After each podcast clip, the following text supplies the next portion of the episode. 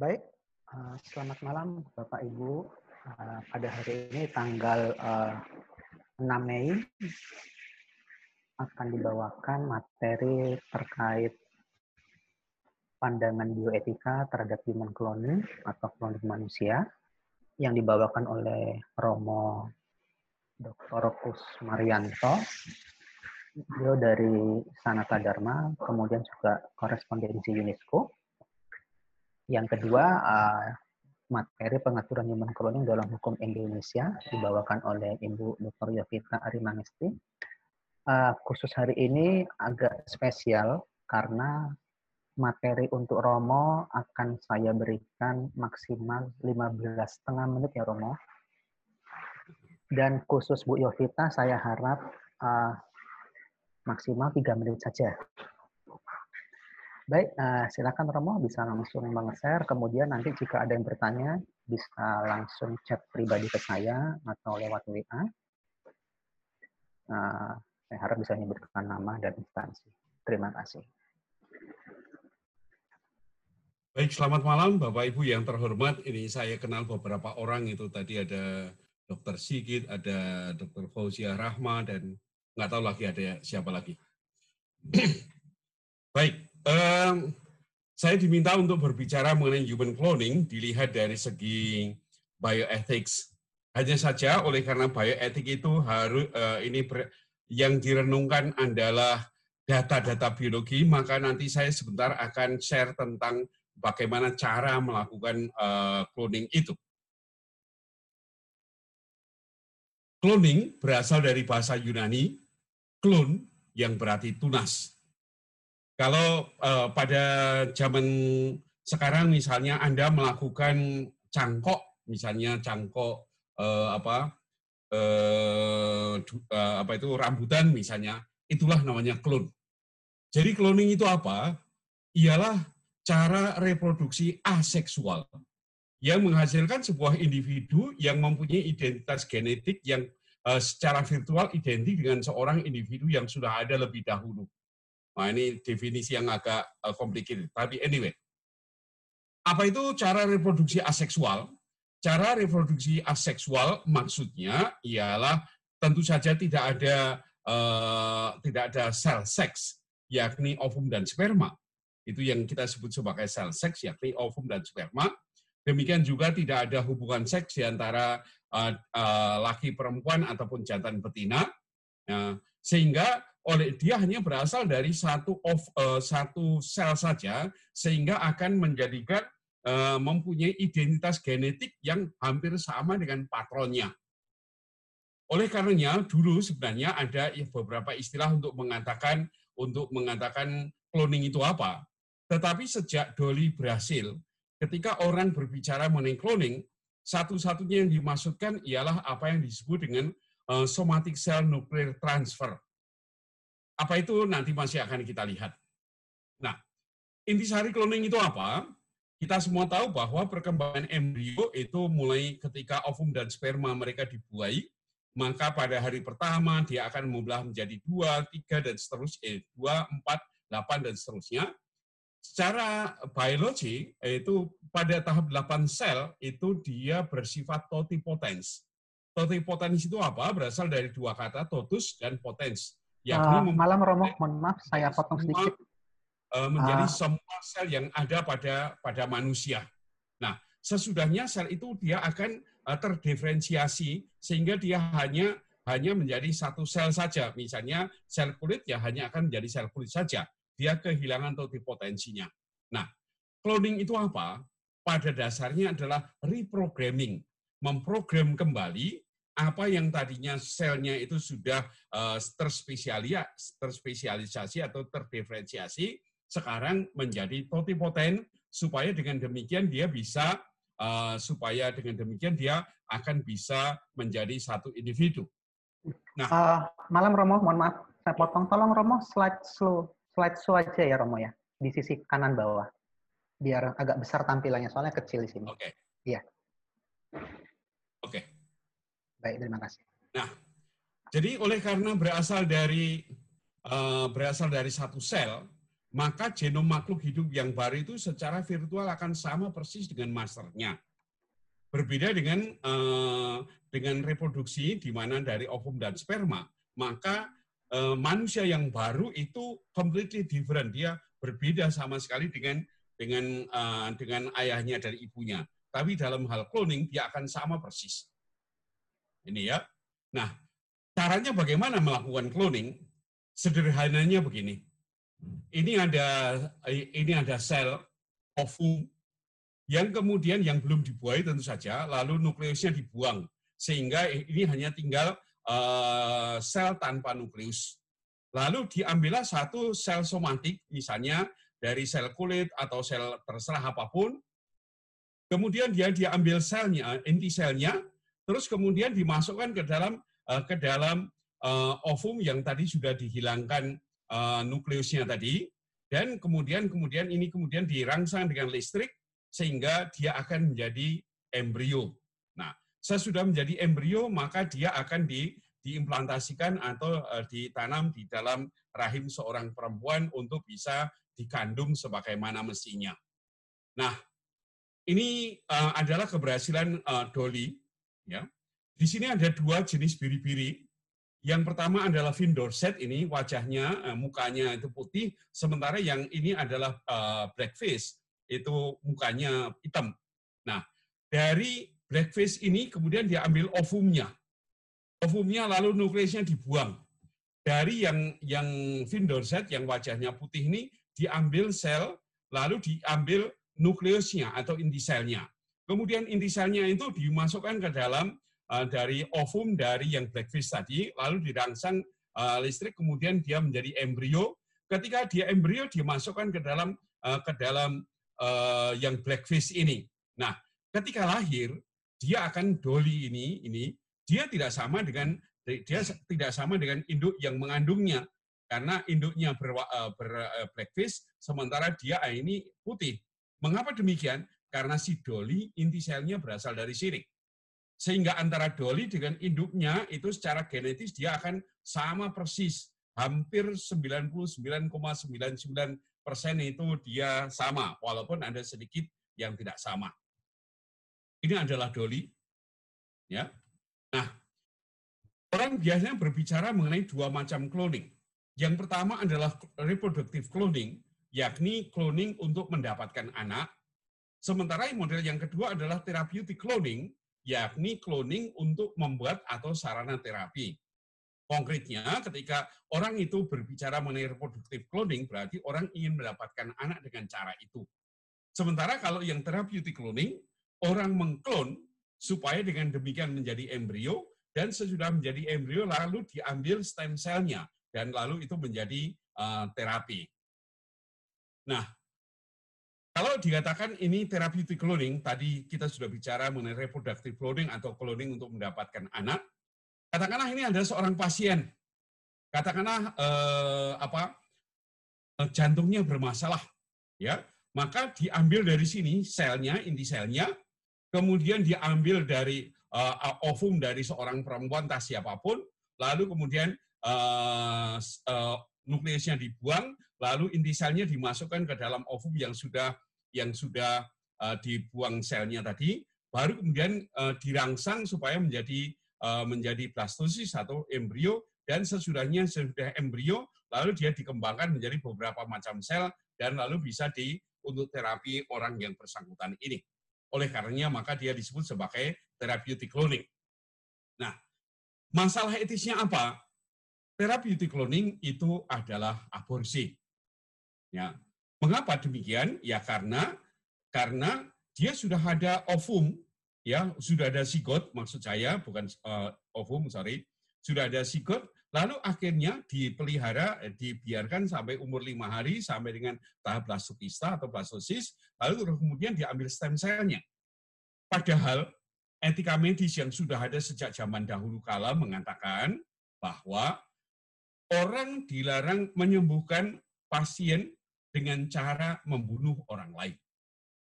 Jadi kita tidak boleh menyembuhkan orang dengan cara membunuh orang lain. Karena apa? Tugas seorang dokter itu adalah untuk memelihara kehidupan. Oleh karenanya maka Ya, apa yang menjadi masalah bioetik uh, dari human cloning? Pertama-tama hak hidup adalah hak yang paling dasar. Artinya segala sesuatu itu tergantung dari dari hidup. Kalau kita bicara mengenai human right, human right pun itu hanya milik orang yang hidup. Kalau kita berbicara mengenai hak-hak yang lain, mereka pun ya hanya dari hak hidup. Oleh karenanya, maka hidup tidak boleh diganggu-gugat. Dia menjadi dasar paling fundamental.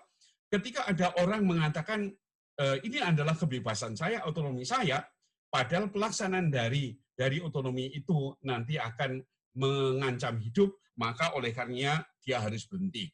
Ya, Hidup itu adalah suci bagi kita orang yang beragama karena apa? Anda Maksudnya adalah ketika orang itu dilahirkan dari uh, bapak dan ibu, maka dia akan menjadi persona yang berbeda. Sementara kalau dia itu diklon, orang pasti akan membandingkan di antara dua hal ini. Oh, dia klonnya ini, maka kita lihat, oh kesamaannya sama, dan sebagainya.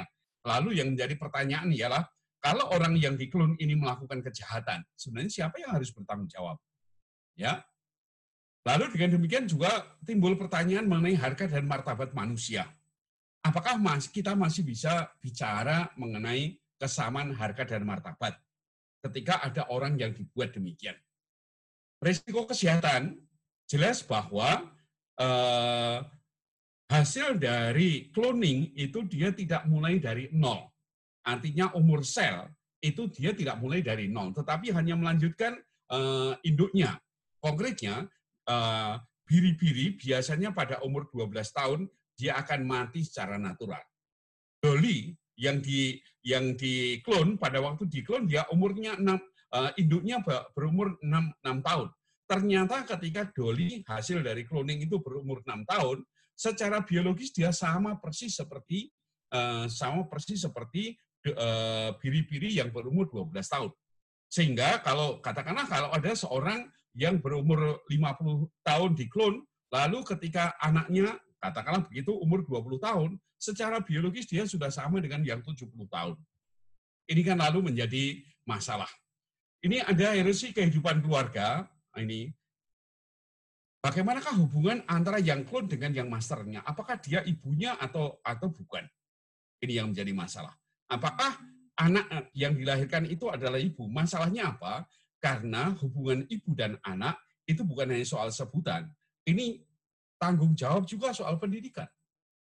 Orang tua lah yang bertanggung jawab terhadap pendidikannya. Ya. Lalu dari segi teknis itu sangat tidak efisien. Doli itu perlu 434 sel telur, lalu akhirnya hanya mendapatkan satu doli ini saja.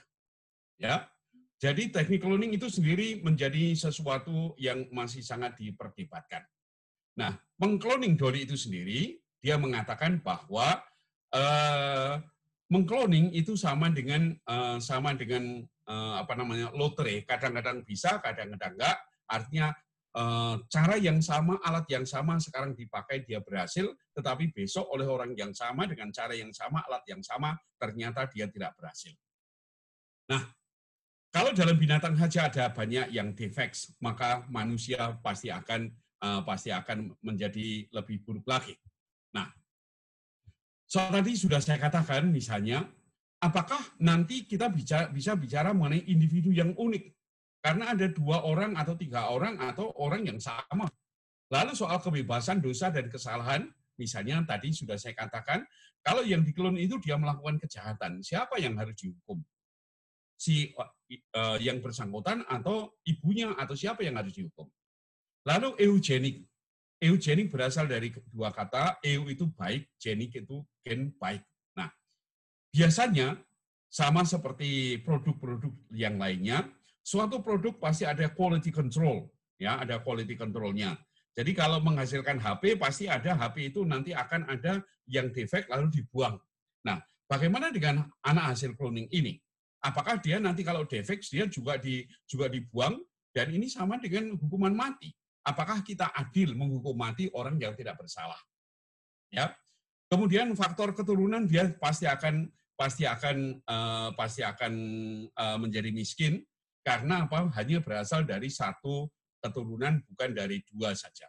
Nah, kemudian saya mau uh, bicara sedikit ma masalah hukumnya. Apa yang menjadi masalah hukum? Sebenarnya anak itu tadi, dia bisa punya beberapa ibu. Ibu genetis, yakni yang mendonorkan nukleusnya. Ibu genetis nomor dua adalah ibu yang mempunyai sel telurnya. Lalu ibu kandung adalah ibu yang mengandung. Ya. Bisa juga ibu yang uh, surrogatnya antara ini. Bisa juga uh, ibu sosial yang memelihara yang nanti sesudah jadi lalu dipelihara atau ibu yang memesannya. Saya misalnya seorang ibu uh, punya anak, anaknya dia tidak punya bisa punya anak, maka si ibu itu pesan untuk diklonkan. Lalu dengan demikian ini menjadi masalah hukum yang tidak mudah dalam kasus ini ya sehingga dengan demikian ada banyak hal yang harus bisa diselesaikan. Oke, dari saya terima kasih. Waktu saya sudah terlambat. Oke, thank you. Selamat malam.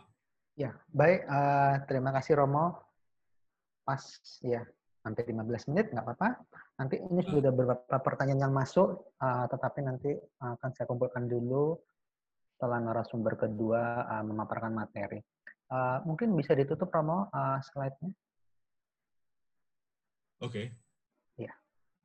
Baik, uh, silakan untuk Bu Yovita uh, maksimal tiga menit ya Bu ya, uh, biar kita masuk ke bagian tanya jawab. Iya, selamat malam, salam jumpa kembali semuanya. Ya, uh, saat ini saya akan memaparkan persoalan human cloning dilihat dari sisi hukum positif Indonesia.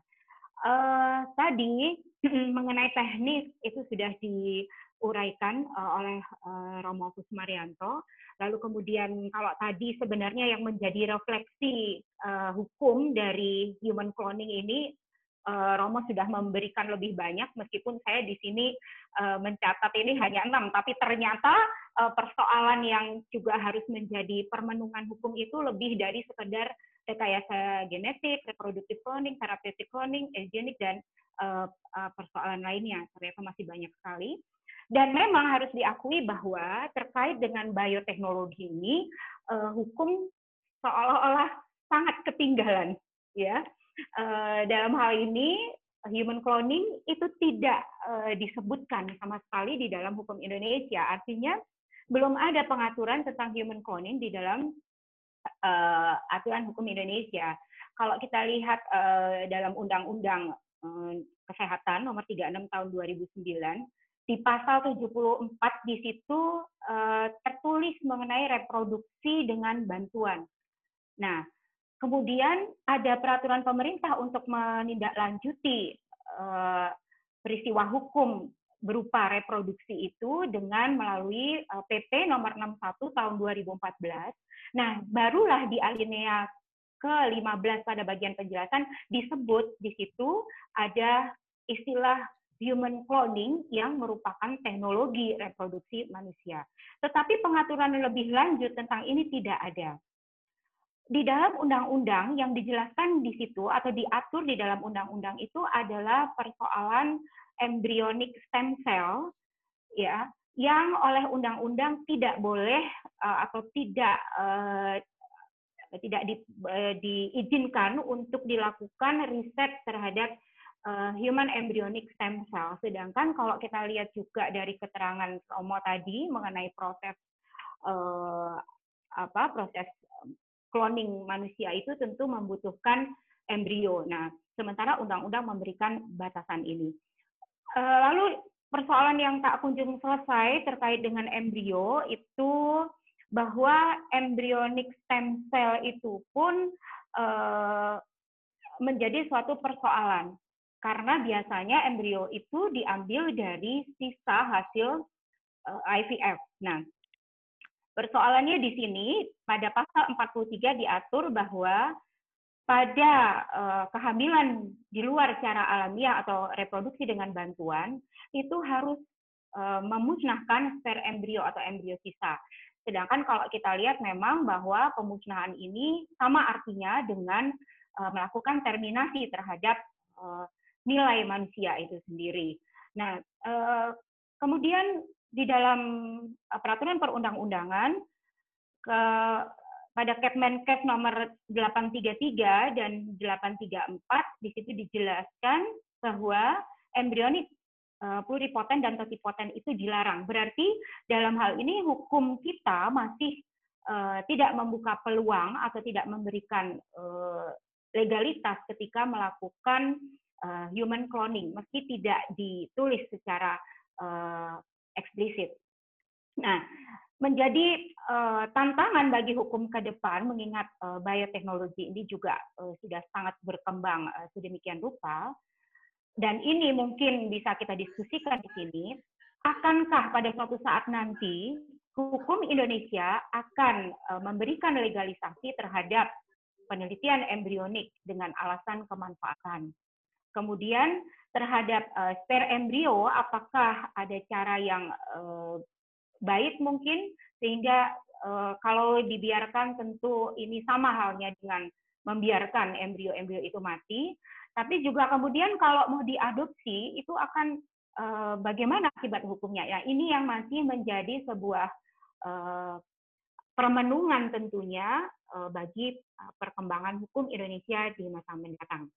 Mungkin ini dulu yang juga bisa saya sampaikan. Nanti saya harapkan di dalam diskusi kita kita akan uh, menemukan suatu wacana baru, baik dalam hal memahami uh, dari sisi bioetik terhadap human cloning ini dan bagaimana kira-kira uh, untuk hukum Indonesia di masa yang akan datang. Terima kasih, saya kembalikan ke moderator. Ya, terima kasih Bu Yovita. Uh, kita bisa langsung masuk sesi tanya jawab, bisa langsung uh, mengechat kepada saya atau melambaikan tangan uh, melambaikan tangan via Zoom ya, tentu saja yang sisi kanan Bapak Ibu di bawah daftar nama peserta raise hand. Oh ya, Pak Peter, uh, yang kedua ya, ini ada yang ke satu masuk dulu ke saya, uh, kepada Romo. Uh, Romo ada menanyakan kepada saya melalui chat, sebetulnya uh, penolakan mengenai uh, cloning manusia di Indonesia lebih mengarah kepada ketakutan akan adanya individu yang uh, yang sempurna, misalnya yang yang sebelumnya orang pintar menjadi pintar. Harusnya bagaimana uh, Romo menyikapi kan bisa saja cloning manusia itu tidak selalu sempurna artinya bisa mengalami kemunduran. Itu yang mungkin belum dipahami oleh masyarakat. Silakan Romo Uh, saya kira ketakutan akan mas, uh, manusia yang sempurna saya kira masih masih terlalu jauh ya. Yang pertama-tama uh, otak itu ternyata tidak bisa diklon. Sehingga kalau ada orang yang bercita-cita eh, mengklon misalnya eh, Albert Einstein begitu ya, ternyata itu hasilnya itu tidak sama ketika yang diklon itu adalah uh, dari otak. Sementara uh, dari apa yang ada di yang terjadi dari segala dari segi teknik, teknik itu sendiri uh, belum sempurna. Artinya apa? individu yang lahir dari cloning ternyata mempunyai cacat yang banyak. Seperti tadi ya, si Dolly, ternyata ketika dia umur 6, 6 tahun, dia secara biologis itu dia eh, sama dengan yang berumur eh, 12 tahun. Artinya bahwa menjadikan manusia sempurna dalam dengan melalui cloning saya kira masih terlalu jauh ya. Masih terlalu jauh karena dari segi dari segi tekniknya sendiri itu uh, cloning sudah berjalan saya kira berapa ya? 30 tahun saya kira kalau dihitung dari sekarang. Hampir tidak ada banyak uh, improvement yang uh, dari segi tekniknya ya. ya dari segi tekniknya tidak banyak improvement yang ada di situ apalagi apalagi dari segi teknik ini masih masih boros dalam arti memerlukan ovum yang sangat besar dan harga ovum itu sendiri sangat mahal dan oleh karenanya saya kira masa depan kalau saya sih melihat masa depan uh, human cloning ini tidak akan banyak uh, tidak akan banyak uh, maju begitu. Pesan saya demikian. Ya.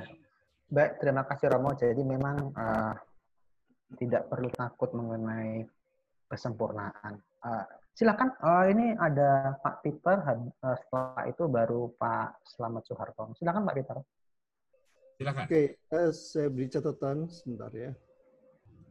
Baik, uh, saya hanya ingin menambahkan sedikit ya. Saya sepakat dengan apa yang sudah diutarakan oleh Romo maupun Ibu Yukita ya. Nah, di sini saya ingin mengatakan bahwa uh, untuk cloning itu kan tadi sudah disebutkan oleh Romo, ada reproduktif dan terapeutik ya. Mungkin barangkali untuk uh, terapeutik ini bisa kita lakukan ya. Oleh karena sekarang itu terapeutik cloning itu memang sangat diperlukan, terutama untuk penyembuhan organ-organ yang sudah rusak tidak bisa di treatment tapi memerlukan transplantasi. Padahal sekarang kita tahu donor organ itu sangat terbatas dibandingkan mereka yang memerlukan itu sangat jauh bedanya. Terutama misalnya ginjal. Ini eh, sangat banyak selisihnya antara keperluannya dan yang tersedia. Tetapi ini mungkin ada jalan keluar. Ya, tadi sudah disebutkan juga tentang embryonik dan somatic stem cell mungkin kita bisa ambil yang somatic stem cell ya. Itu secara uh, etik masih lebih anu ya, lebih bisa di, tolerir. Nah, kita memang tidak bisa memakai embryonic stem cell karena bagaimanapun embrio itu ada potensial human being. Nah, pasti ada human dignity dan nanti untuk future children yang nanti punya otonomi juga, hak asasi manusia dan dignity. Nah, ini yang tentang keperluan treatment untuk penyakit-penyakit tertentu memang ada suatu uh, persaingan ya antara academic pursuit dan ethical concerns. Memang tidak boleh meninggalkan hal-hal yang etis, maka mungkin komprominya adalah therapeutic cloning bisa ditolerir dengan memakai somatic stem cell. Jadi misalnya ada seorang penderita uh, kanker liver tidak bisa disembuhkan, maka dari sel-sel somatik tersebut bisa dimasukkan ke organ itu sehingga bisa tumbuh jaringan liver yang normal. Itu sebagai contoh yang sederhana. Tetapi bukan untuk reproduktif, karena eh, adanya suatu reproduksi untuk individu yang baru, kita harus melihat kerangka yang lebih luas, yaitu adanya keluarga, adanya ibu dan anak, kemudian berproses menjadi seorang uh, individu yang baru. Itu memang harus kita pegang itu. Jadi untuk uh, academic pursuit yang bersifat therapeutic cloning, itu ada yang disebut Alara Principles. Ya. Jadi as long as reasonably achievable. Jadi sejauh dengan alasan yang kuat, termasuk ethical ground, maka itu bisa dicapai. Saya rasa itu tambahan saya dan juga saya mohon mungkin ada tanggapan dari Romo atau Bu Yuvita. Terima kasih. Iya, ya, untuk silakan. Dr. Peter ya, uh, terkait dengan somatic uh, cell itu berdasarkan hukum Indonesia itu uh, tidak dilarang. Jadi uh, Kepmenkes nomor 833 tahun 2009 itu mengizinkan jika sumber dari stem cell itu adalah uh, stem cell yang non embryonik. Jadi uh, masih boleh untuk digunakan. Eh, dengan peluang yang diberikan hukum seperti ini, artinya penelitian-penelitian dengan menggunakan somatic cell itu dapat dilakukan di Indonesia. Ya. Baik, tanggapan Silakan, dari saya gini, uh, uh, Romo. Pak, ya, Pak Peter, Silakan, Romo, Pak, mau tanggapi. Uh, terapi cloning itu hasilnya bukan uh, bukan uh, apa itu adult stem cell hasil dari cloning itu adalah embryonic stem cell. Sehingga kalau kita berbicara mengenai therapeutic cloning, itu pasti berbeda dengan uh, adult stem cell ataupun somatic stem cell. Karena hasil dari dari cloning itu adalah embrio. Nah, saya sepakat bahwa uh, therapeutic eh, sorry uh, stem cell yang non embryonic stem cell sebenarnya nggak ada masalah. Seperti tadi uh, Ibu Yovita sudah mengatakan bahwa yang non embryonic stem cell nggak masalah dan dengan demikian ini uh, terbuka kemungkinan sangat lebar uh, untuk melakukan termasuk juga uh, termasuk juga uh, apa untuk terapi. Baik itu saja. Uh, baik, uh, terima kasih Romo. Uh, ini langsung ada lagi untuk uh, untuk Romo saya bacakan langsung ya. Uh, bagaimana konflik etis yang terjadi uh, ketika cloning yang dikerjakan menggunakan materi genetika dari mereka yang sudah meninggal. Silakan Romo. Baik, ketika materi genetik itu berasal dari mereka yang sudah meninggal, maka uh, ini menjadi jauh lebih buruk lagi. Oleh karena apa? Oleh karena uh, dari segi hukum saya kira ini menjadi sangat sangat bermasalah karena orang mempunyai anak seolah-olah dari mereka yang sudah yang sudah meninggal. Jangankan cloning, ketika uh, bayi tabung atau IVF ketika orang tuanya sudah meninggal pun itu kan tidak boleh di tidak boleh di mempunyai anak yang dalam kasus seperti itu. Nah, jadi dalam hal ini ketika materi genetiknya berasal dari mereka yang sudah meninggal, saya kira persoalan menjadi lebih komplit lagi, lebih complicated lagi di samping yang tadi sudah saya sebutkan karena ini nanti akan menjadi anaknya siapa? Apakah anaknya orang yang sudah meninggal Sekali lagi masalah anak siapa ini pertanyaan sangat serius. Karena apa? Karena ini menyangkut hak dan kewajiban orang tua untuk mendidik anak. Dan itu artinya bukan hanya soal sebutan, bukan hanya soal sebutan papa mama, tetapi di situ ada hak-hak hukum, hak-hak sosial dan sebagainya yang menyangkut ini. Mulai dari yang sederhana misalnya, jelas hanya orang tua yang berhak untuk mendidik anaknya. Sehingga orang-orang lain tidak boleh campur tangan kecuali ada kasus khusus. Sehingga dengan demikian kalau orang itu dia dilahirkan dalam keadaan uh, orang tua yang sudah meninggal, walaupun nggak bisa disebut orang tuanya juga ya, karena bagaimana kita harus menyebut uh, si pemilik materi genetik, apakah dia ibunya atau bapaknya atau masternya atau whatever lah itu ini menjadi suatu yang masih harus di yang masih harus diputuskan karena sampai sekarang belum ada namanya itu. Terima kasih. Ya, Terima kasih Romo atas jawabannya. Uh, silakan Pak Selamat dulu uh, minta tolong bagian host. Uh, silakan Pak Selamat. Ya, terima kasih Mas Tommy. Selamat malam Romo Kusmarianto, Dr. Jovita dan juga uh, para pemirsa yang lain barangkali. Uh, Pertanyaan saya sederhana saja, barangkali nanti terserah Bu Yovita, Pak Romo Kusmarianto. Eh, terkait dengan cloning manusia, ini ada yang pro dan kontra. Eh, jika umpamanya terjadi cloning manusia, saya ingin menanyakan apakah secara etika kehidupan itu diperbolehkan, kalau tidak apa alasannya dan kalau diperbolehkan juga apa alasannya. Maaf, uh, maaf, yang saya tadi terputus-putus tadi. Nah, pertanyaannya. Oh gitu. Iya, jadi apakah kuning manusia diperbolehkan? Kalau boleh apa alasannya dan kalau tidak apa alasannya? Nah, kemudian ke Dr. Vita barangkali ketika misalnya ada kelebihan uh, embrio dalam dalam apa namanya ya fertilisasi misalnya. Ini kemudian dalam Permenkes ya 61 14 itu harus dimusnahkan. Itu apakah mungkin dapat dikatakan sebagai eh, pembunuhan itu?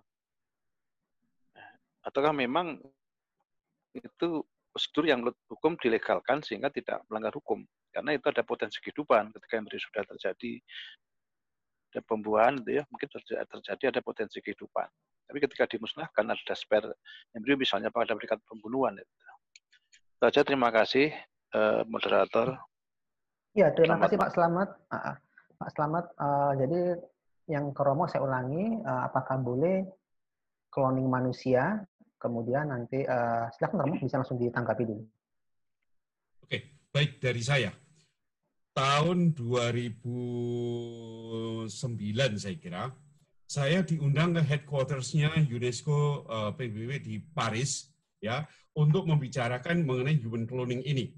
Pada waktu itu hadir segala macam expert dalam bidang cloning. Saya diundang untuk melihat dari segi bioetik tentu saja pada waktu itu semua sepakat bahwa semua sepakat bahwa cloning untuk mendapatkan anak atau reproductive cloning itu dilarang.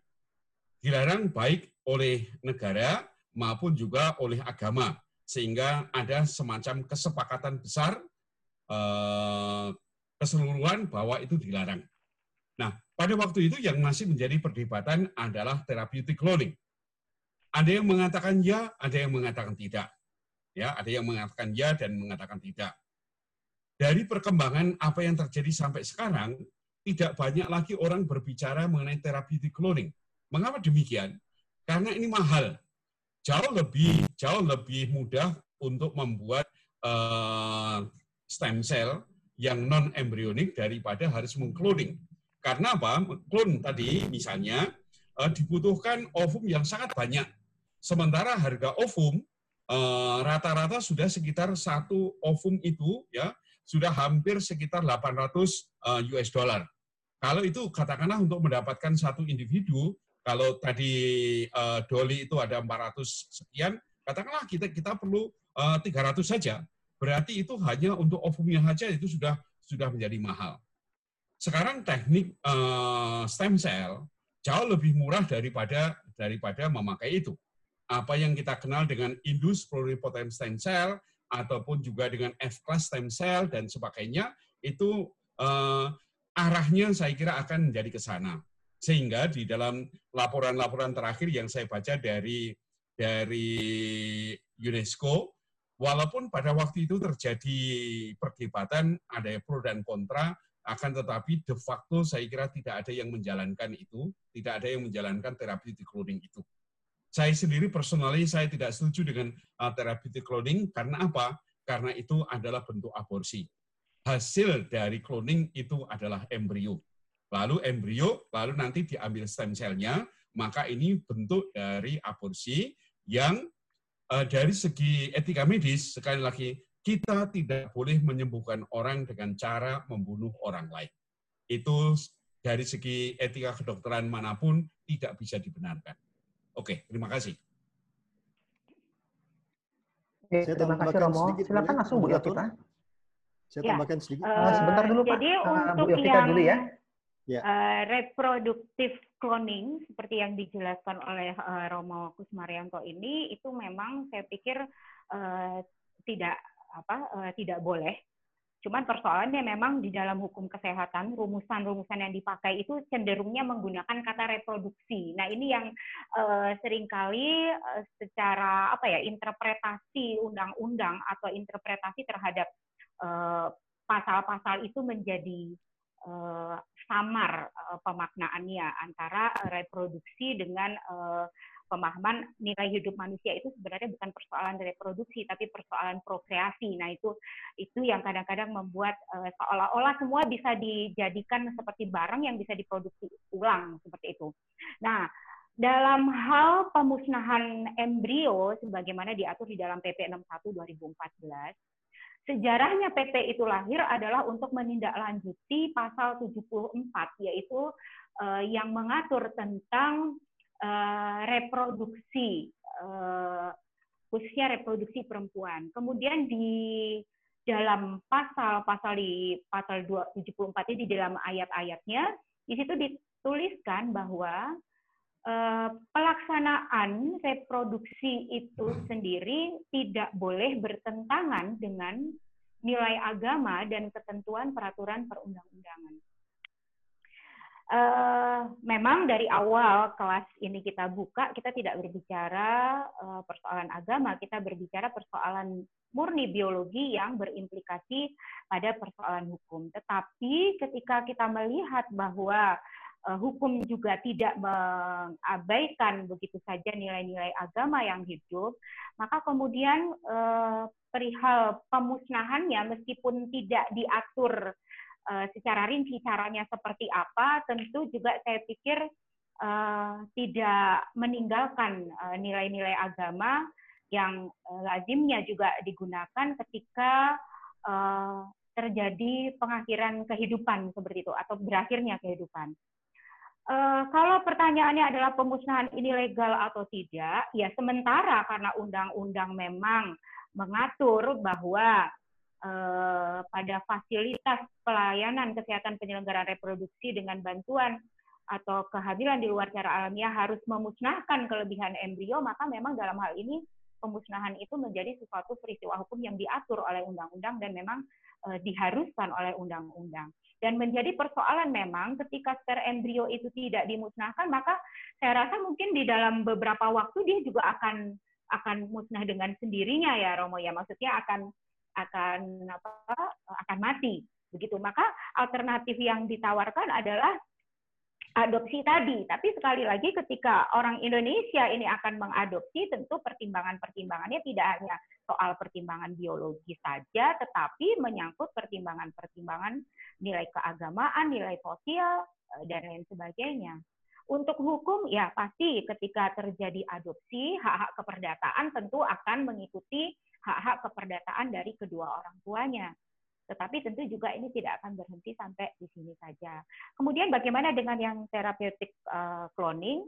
Ya undang-undang masih membuka peluang untuk itu, tetapi memang kalau dilihat dari kemanfaatan seperti yang sudah di apa utarakan Romo tadi, saya pikir mungkin ini juga perjalanan panjang untuk sampai pada uh, melegalkan seperti itu, Pak Ya, uh, bagaimana Pak Selamat?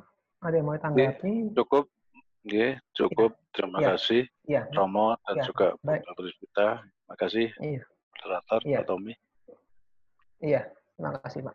Ah, silakan Pak Peter langsung. Ya, uh, saya mau menambahkan sedikit saja. Uh, ya. Perkembangan di Eropa yang uh, terakhir itu bahwa therapeutic cloning memang tidak difasilitasi, tidak uh, tidak funded by the state. Jadi negara tidak akan membantu itu. Jadi bukan melarang, tetapi tidak membantu. Tetapi seandainya itu dilakukan self-supporting finance, kemudian ada yang melakukannya, itu tidak dilarang. Jadi eh, keberadaannya tidak dilarang, namun tidak difasilitasi. Kemudian yang kedua masalah spare embrio itu. Spare embrio itu eh, ya kita jangan mengambil langkah-langkah yang bisa menimbulkan spare embrio begitu saja. Jadi tadi disebutkan oleh Bu Yuvita bahwa ada kemungkinan apakah dibiarkan membusuk atau musnah sendiri dan sebagainya. Ya kita tidak mengambil pilihan ke sana. Jadi untuk menghindari hal-hal tersebut. Jadi bagaimanapun alasannya itu adalah potential human being ya. Jadi tidak boleh diperlakukan uh, unethical. Terima kasih. Ya, Uh, ya. Saya tanggapi sedikit Silakan. Pak Peter. Memang ya. ini menjadi persoalan ya ketika para pembuat undang-undang juga akan menyusun sebuah substansi untuk menentukan perbuatan yang uh, boleh dan tidak boleh. Ini memang menjadi persoalan tersendiri.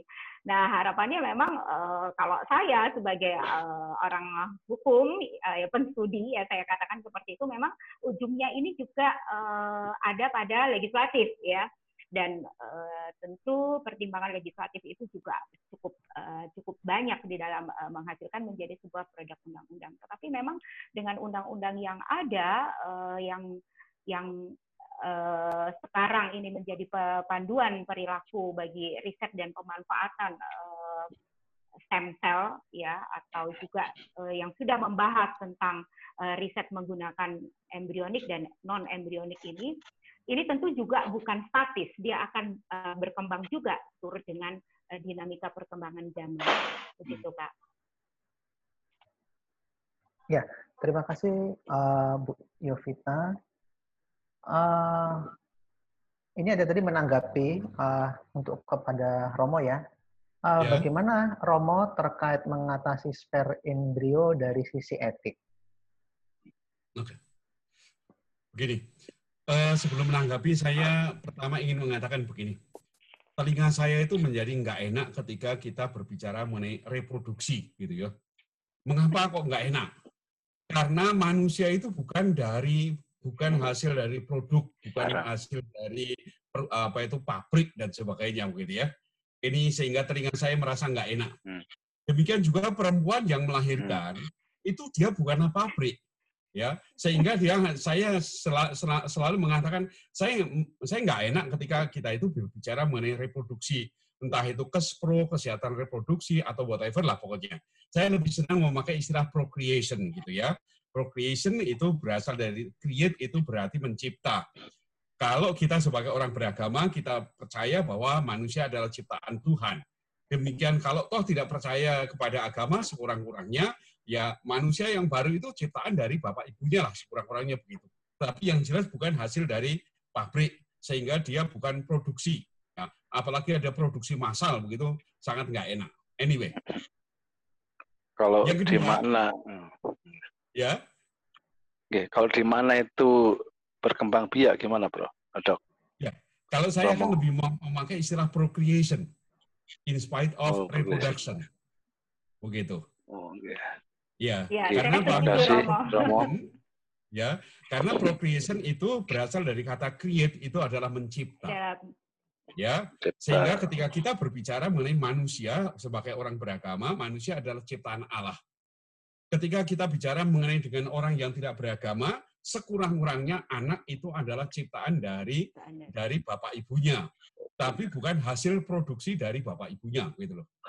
Dan tapi yang bagi saya yang lebih lebih kanu lagi, lebih eh, merendahkan mar- eh, martabat wanita, wanita yang mengandung itu seolah-olah dia itu pabrik, gitu. pabrik. Iya. Jadi itu kan produksi itu itu adalah produksi, itu. reproduction. Itu me- menurut saya itu melecehkan perempuan dalam kasus ini. Ya melecehkan seorang perempuan.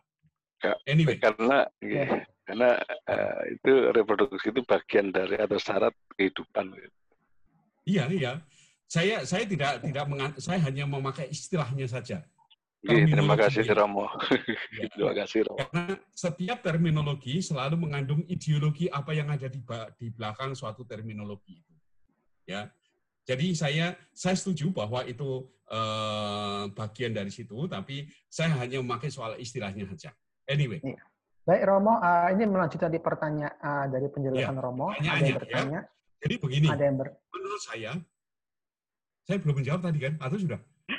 Belum. Sudah, ini saya langsung lanjutkan dulu pertanyaannya Romo. Uh, Oh, oke, silakan. uh, menurut Romo sendiri, karena Romo seorang uh, uh, imam, lantas menurut Romo ketika ada seseorang ingin dia setuju dengan cloning manusia dengan argumen bahwa kita pun juga cloning sang pencipta dalam hal ini adalah Tuhan. Uh, bagaimana Romo uh, menyikapi hal tersebut dari sudut pandang agama?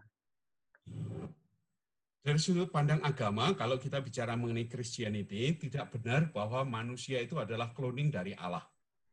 Dia hanyalah imago Dei. Dia adalah gambar Allah. Ya, dia adalah imago Dei, dia adalah gambar Allah. Sehingga kalau argumen yang mengatakan bahwa manusia toh ini cloning dari Allah itu itu tidak benar, tidak benar. Tetapi benar bahwa manusia itu adalah imago Dei, dia adalah uh, dia adalah gambar Allah ini gambar Allah. Sehingga oleh karenanya maka manusia itu mempunyai kodrat sebagai imago Dei atau sebagai gambar Allah. Dan oleh karenanya argumen itu logikanya tidak lurus. Ya, logikanya tidak lurus. Dan dengan demikian tentu saja itu eh, ketika logikanya sudah tidak lurus maka tidak boleh dianggap sebagai suatu argumen yang serius. Terima kasih Romo. Oh, rupanya tadi ada yang masih belum puas uh, terkait spare embryo tersebut, Romo. Mungkin bisa. Ya, spare embrio belum saya jawab, Iya. gitu ya. Em, seingat saya, seingat saya, ketika undang-undang eh, tentang penyimpanan eh, spare embrio yang dikatakan bahwa, itu eh, sampai dengan dua bulan, eh, dua tahun, lalu sesudahnya boleh dimusnahkan. Teknologi cryopreservation atau eh, pembekuan embrio itu belum begitu canggih. Sehingga ketika kurang lebih umur dua, dua tahun memang dia sudah sudah rusak.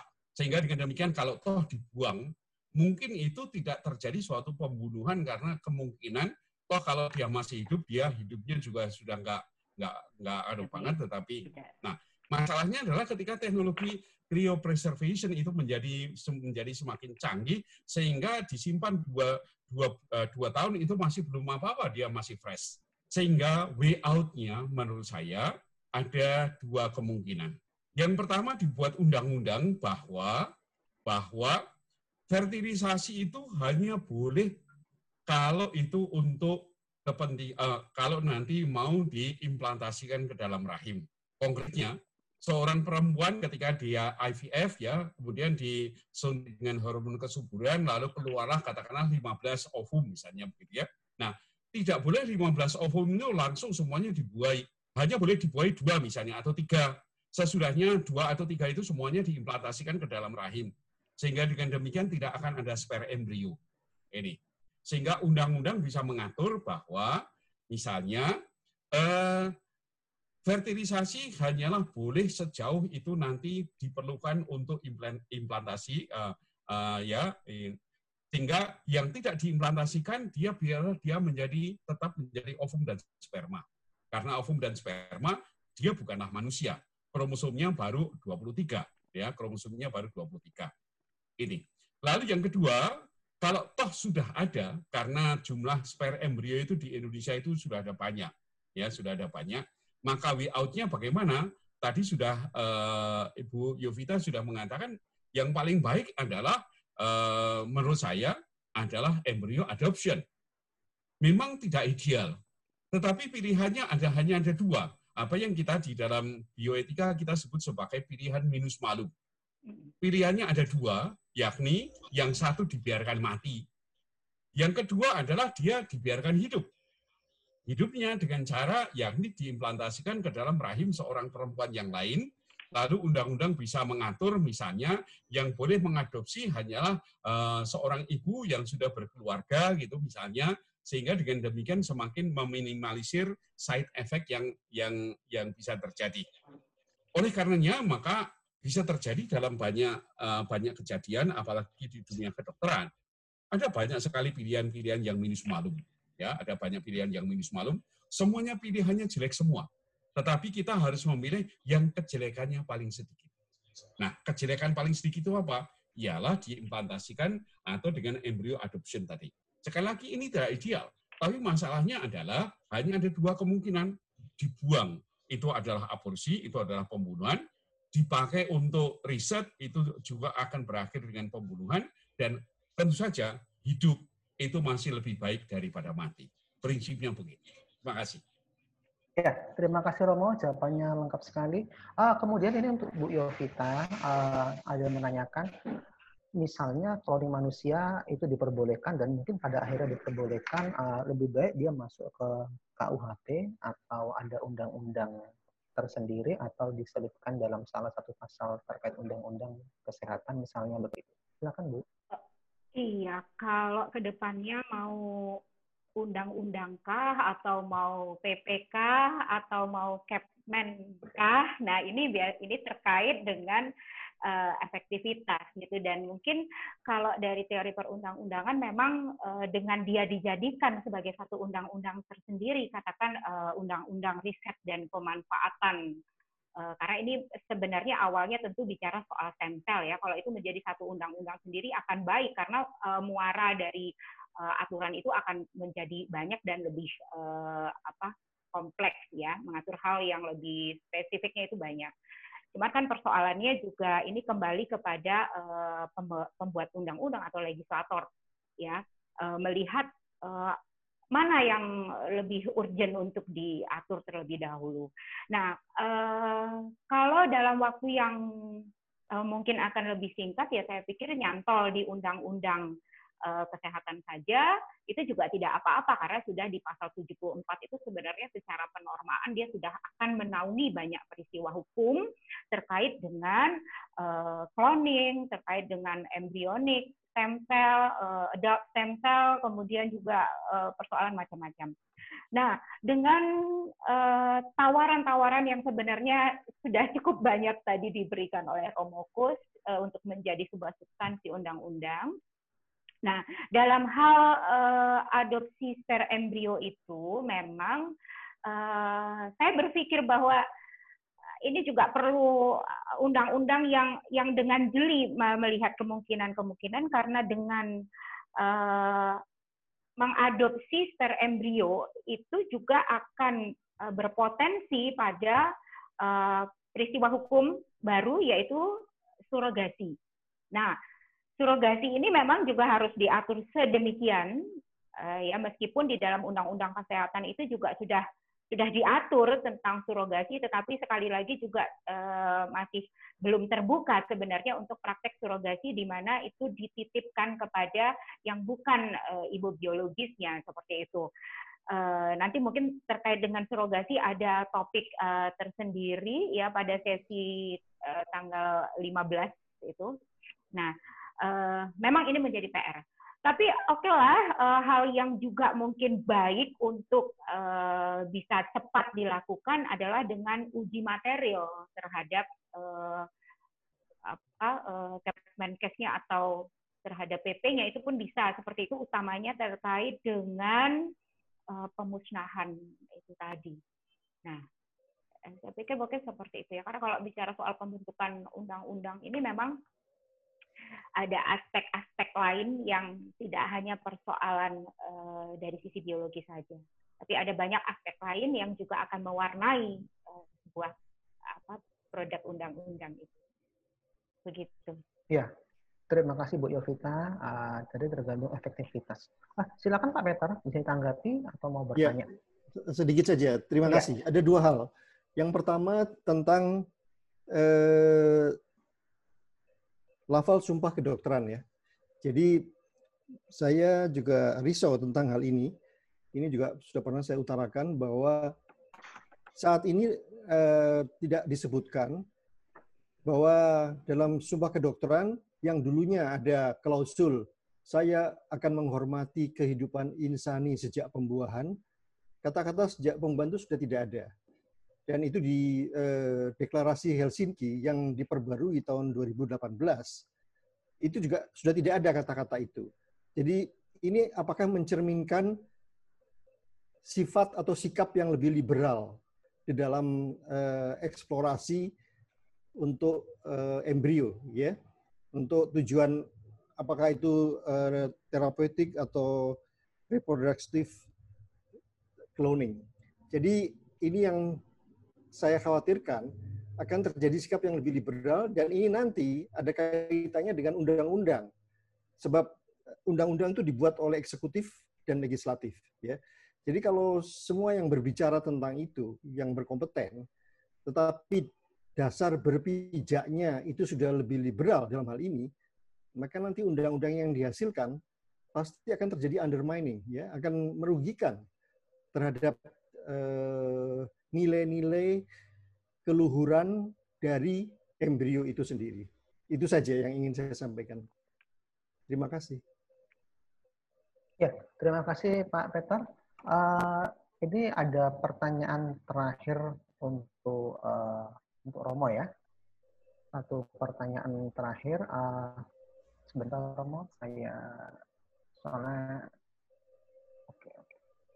Begini Romo, uh, ditanyakan menurut Romo, ketika tadi Romo mengatakan uh, cloning manusia lebih baik tidak dilakukan, betul begitu Romo ya? Nah, kemudian uh, secara tegas itu harusnya dijawab dengan perspektif apakah Romo etika atau agama atau hukum atau apa menurut Romo yang lebih tepat ketika nanti negara pun juga tidak memperbolehkan dan sepertinya memang tidak memperbolehkan cloning manusia tersebut. Silakan Romo. Eh, menurut saya argumen bisa dari semua dari semua semua segi ya. Kalau kita berbicara mengenai bioethics, bioetik itu adalah yang uh, lintas disiplin, ya, uh, interdisiplin dan sebagainya. Sehingga bioetik dia tidak pernah berbicara hanya dari satu sudut saja. Oleh karenanya, maka pendekatan bioetik, misalnya kita ingin mengatakan larangan terhadap itu. Larangan itu kan merupakan suatu kesimpulan. Tetapi logika apa yang ada di balik itu, itulah yang paling penting. Maka logikanya bisa logika hukum, logika etika, logika agama. Apalagi kalau kita di Indonesia, saya kira peran dari agama ini masih sangat masih sangat uh, besar sehingga tidak bisa di tidak bisa di uh, tidak bisa ditinggalkan Salah satu kalau kita berbicara mengenai agama, ya, mengapa cloning itu tidak boleh? Karena ini playing God ini. Ya, dia akan bermain manusia seolah-olah dia bertingkah laku sebagai seorang eh seorang bertingkah laku sebagai Allah. Karena apa? Karena menciptakan manusia itu adalah hak prerogatif dari Allah. Sementara dalam kasus ini, dalam kasus ini seolah-olah manusia itu betul-betul menciptakan yang lainnya. Walaupun dalam arti tertentu sebenarnya nggak nggak so-so lah. Nanti kalau kita bicara mengenai uh, genetic engineering di situ pasti akan jauh lebih lebih besar masalahnya mengenai playing card tadi. Ya, kalau kita bisa uh, berbicara mengenai rekayasa genetika, maka di situ playing card menjadi jauh lebih lebih parah lagi. Anyway, dengan demikian uh, menurut saya langkah uh, hukum yang harus dibuat harus berdasarkan pertimbangan-pertimbangan macam-macam, pertimbangan etika bioetika, pertimbangan agama, ya. Tentu saja pertimbangan dari uh, dari apa apa istilahnya uh, local wisdom ya. Dari local wisdom yang ada di situ harus kita perhitungkan juga. Maksudnya adalah uh, ini demikian juga dari segi psikologis segi psikologis ini besar nanti pengaruhnya sekarang saja misalnya ada seorang anak yang diadopsi oleh orang lain dan si dia itu tidak tahu siapa uh, orang tua biologisnya, dia akan cari sampai ketemu siapakah ibu biologisnya, siapakah bapak biologisnya. Nah, ketika orang itu diklon, ya, dia kan tidak jelas sebenarnya. Katakanlah si A diklon menjadi B. Siapa yang menjadi orang tua dari B ini? Apakah A ini ataukah orang tuanya dari A itu? Ya, yang yang harus kita sebut sebagai bapak dan ibunya. Ini kembali bukan hanya masalah hukum bahwa nanti hukum bisa mengatakan bahwa yang menjadi orang tua adalah yang uh, memeliharanya misalnya begitu. Tapi ini ini dari segi uh, segi psikologis itu akan besar sekali pengaruhnya karena orang tidak bisa mengatakan saya itu anaknya si A atau anaknya si B. Karena apa? Dia hanya berasal dari satu dari uh, dari uh, satu uh, satu sel saja. Sehingga segala macam bisa dikerahkan untuk akhirnya hukum akan sampai pada suatu kesimpulan bahwa human cloning itu forbidden. Begitu, terima kasih. Ya, baik. Uh, terima kasih Rama. Berarti memang harus uh, dilakukan oleh berbagai pendekatan, tidak bisa melalui satu keilmuan saja. Uh, silakan Romo, ini karena sudah mendekati waktu akhir, eh, kira-kira Lomo bisa memberikan closing statement terkait uh, cloning manusia. Silakan Romo. Baik. Cloning manusia ini ketika pertama kali diluncurkan, banyak orang yang sangat optimis. Misalnya ada kelompok-kelompok agama, dia mengatakan, untuk apa kita juga harus mencari hidup kekal di surga? Wong kita aja bisa hidup kekal di dunia kok. Misalnya ya, bahwa ini orang lalu nanti sudah sampai tua diklon lagi maka dia menjadi muda lagi. Nanti tua lagi menjadi klon lagi menjadi muda lagi dan seterusnya. Tetapi ternyata itu enggak enggak berjalan yang seperti itu. Ya. Jadi maksud saya adalah perkembangan ilmu pengetahuan itu memang harus diuji dengan dengan uh, harus diuji uh, dengan prinsip-prinsip tertentu, ya prinsip tertentu yang it must be guided by ethical principle sekurang-kurangnya itu. Karena kalau tidak, maka manusia di dalam perkembangan ilmu pengetahuan dia harus menjadi pusat dari perkembangan itu. Human being must be in the center of the development. Nah, harus menjadi pusat. Dia tidak boleh disingkirkan menjadi yang yang ada di yang ada di pojok. Dalam arti manusia tidak boleh hanya dipandang sebagai suatu alat. Dia harus menjadi sumber dari segala-galanya. Konkretnya, manusia harus menjadi subjek pelaku dari teknologi itu dan dia tidak hanya boleh hanya dipandang sebagai suatu alat. Misalnya sekali lagi, terapi cloning mengapa ini menjadi masalah? Karena pada waktu itu manusia hanya dipandang sebagai alat saja. Sehingga dengan demikian, ya, walaupun motivasinya sangat mulia, akan tetapi kalau pelaksanaan dari motivasi itu melanggar prinsip yang paling fundamental, yakni menghormati hidup, maka perbuatan itu bukanlah suatu perbuatan yang baik. Yang kedua adalah apa yang secara teknik bisa dilakukan. Belum tentu bahwa dia secara etika juga boleh dilakukan. Secara teknik bisa saja cloning bisa dilakukan. Tetapi apa yang secara teknik bisa dilakukan belum tentu bahwa dengan demikian secara etis juga boleh dilakukan. So dengan demikian harus ada uh, harus ada uh, apa itu guiding principle yang ada di situ supaya tidak menjatuhkan manusia menjadi uh, objek dari ilmu pengetahuan. Dan dalam hal ini saya kira uh, salah satu novel yang sangat terkenal dalam dalam bidang ini ialah uh, apa namanya? Uh, aduh saya lupa namanya. Uh, Frankenstein. William mungkin. Oh ya. Ya, Frankenstein. Ya. Jadi Frankenstein itu dia uh, dia adalah seorang dokter, uh, seorang ilmuwan, dia meng, uh, mengklon ya dengan istilah waktu itu belum uh, membuat menciptakan sebuah makhluk hidup yang sangat luar biasa sehingga akhirnya dia memberontak melawan sang pencipta akhirnya justru membunuh uh, sang pencipta. Ini hanyalah uh, science fiction in which we have to be kita betul-betul harus harus hati-hati ketika berhadapan dengan berhadapan dengan ilmu dan teknologi. Di satu pihak ilmu dan teknologi tidak boleh dihentikan. Saya juga tidak punya pretensi untuk menghentikan perkembangan ilmu dan teknologi itu bodoh kalau ingin menghentikan. Akan tetapi perkembangan ilmu dan teknologi harus di, di uh, dipimpin dengan prinsip-prinsip supaya tetap menempatkan manusia pada pusat dari perkembangan itu, at the center of the development. Tidak boleh dia disingkirkan menjadi suatu alat atau apa pun yang ada di situ. Sehingga the final kriteria apakah sesuatu itu boleh atau tidak adalah human dignity. Apakah sesuatu itu bertentangan dengan martabat manusia atau tidak. Kalau sesuatu bertentangan dengan martabat manusia, maka no. Sementara kalau dia mempromot uh, human dignity, maka pada waktu itu kita harus terus melakukannya.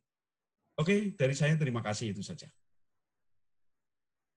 Ya, baik. Uh, terima kasih Romo. Penjelasannya sangat komprehensif. Begitu juga dengan Bu Yovita. Ada yang chat secara pribadi kepada saya. Uh, nanti mungkin bisa lewat grup saja kita berdiskusi. Uh, tema hari Jumat, uh, Bu Yovita? temanya terkait? Iya, uh, hari Jumat itu homoseksuality. Eh, oh ya, homoseksuality. Iya, ya. Uh, nanti dengan uh, narasumber uh, Dr. Peter. Ya, ya dengan Pak mungkin, Peter. Iya. Berarti uh, Bapak Ibu nanti uh, kami juga mengundang Bapak Ibu bisa turut serta memberikan uh, pemikirannya terkait tema homoseksual di hari Jumat tanggal 8 jam 7. Baik, saya ucapkan sekali lagi terima kasih kepada kedua narasumber, kepada peserta uh, yang telah setia mengikuti ini hingga pada saat detik hari ini. Selamat malam, uh, terima kasih. Terima kasih, Romo. Terima kasih, Bu Yovita. Terima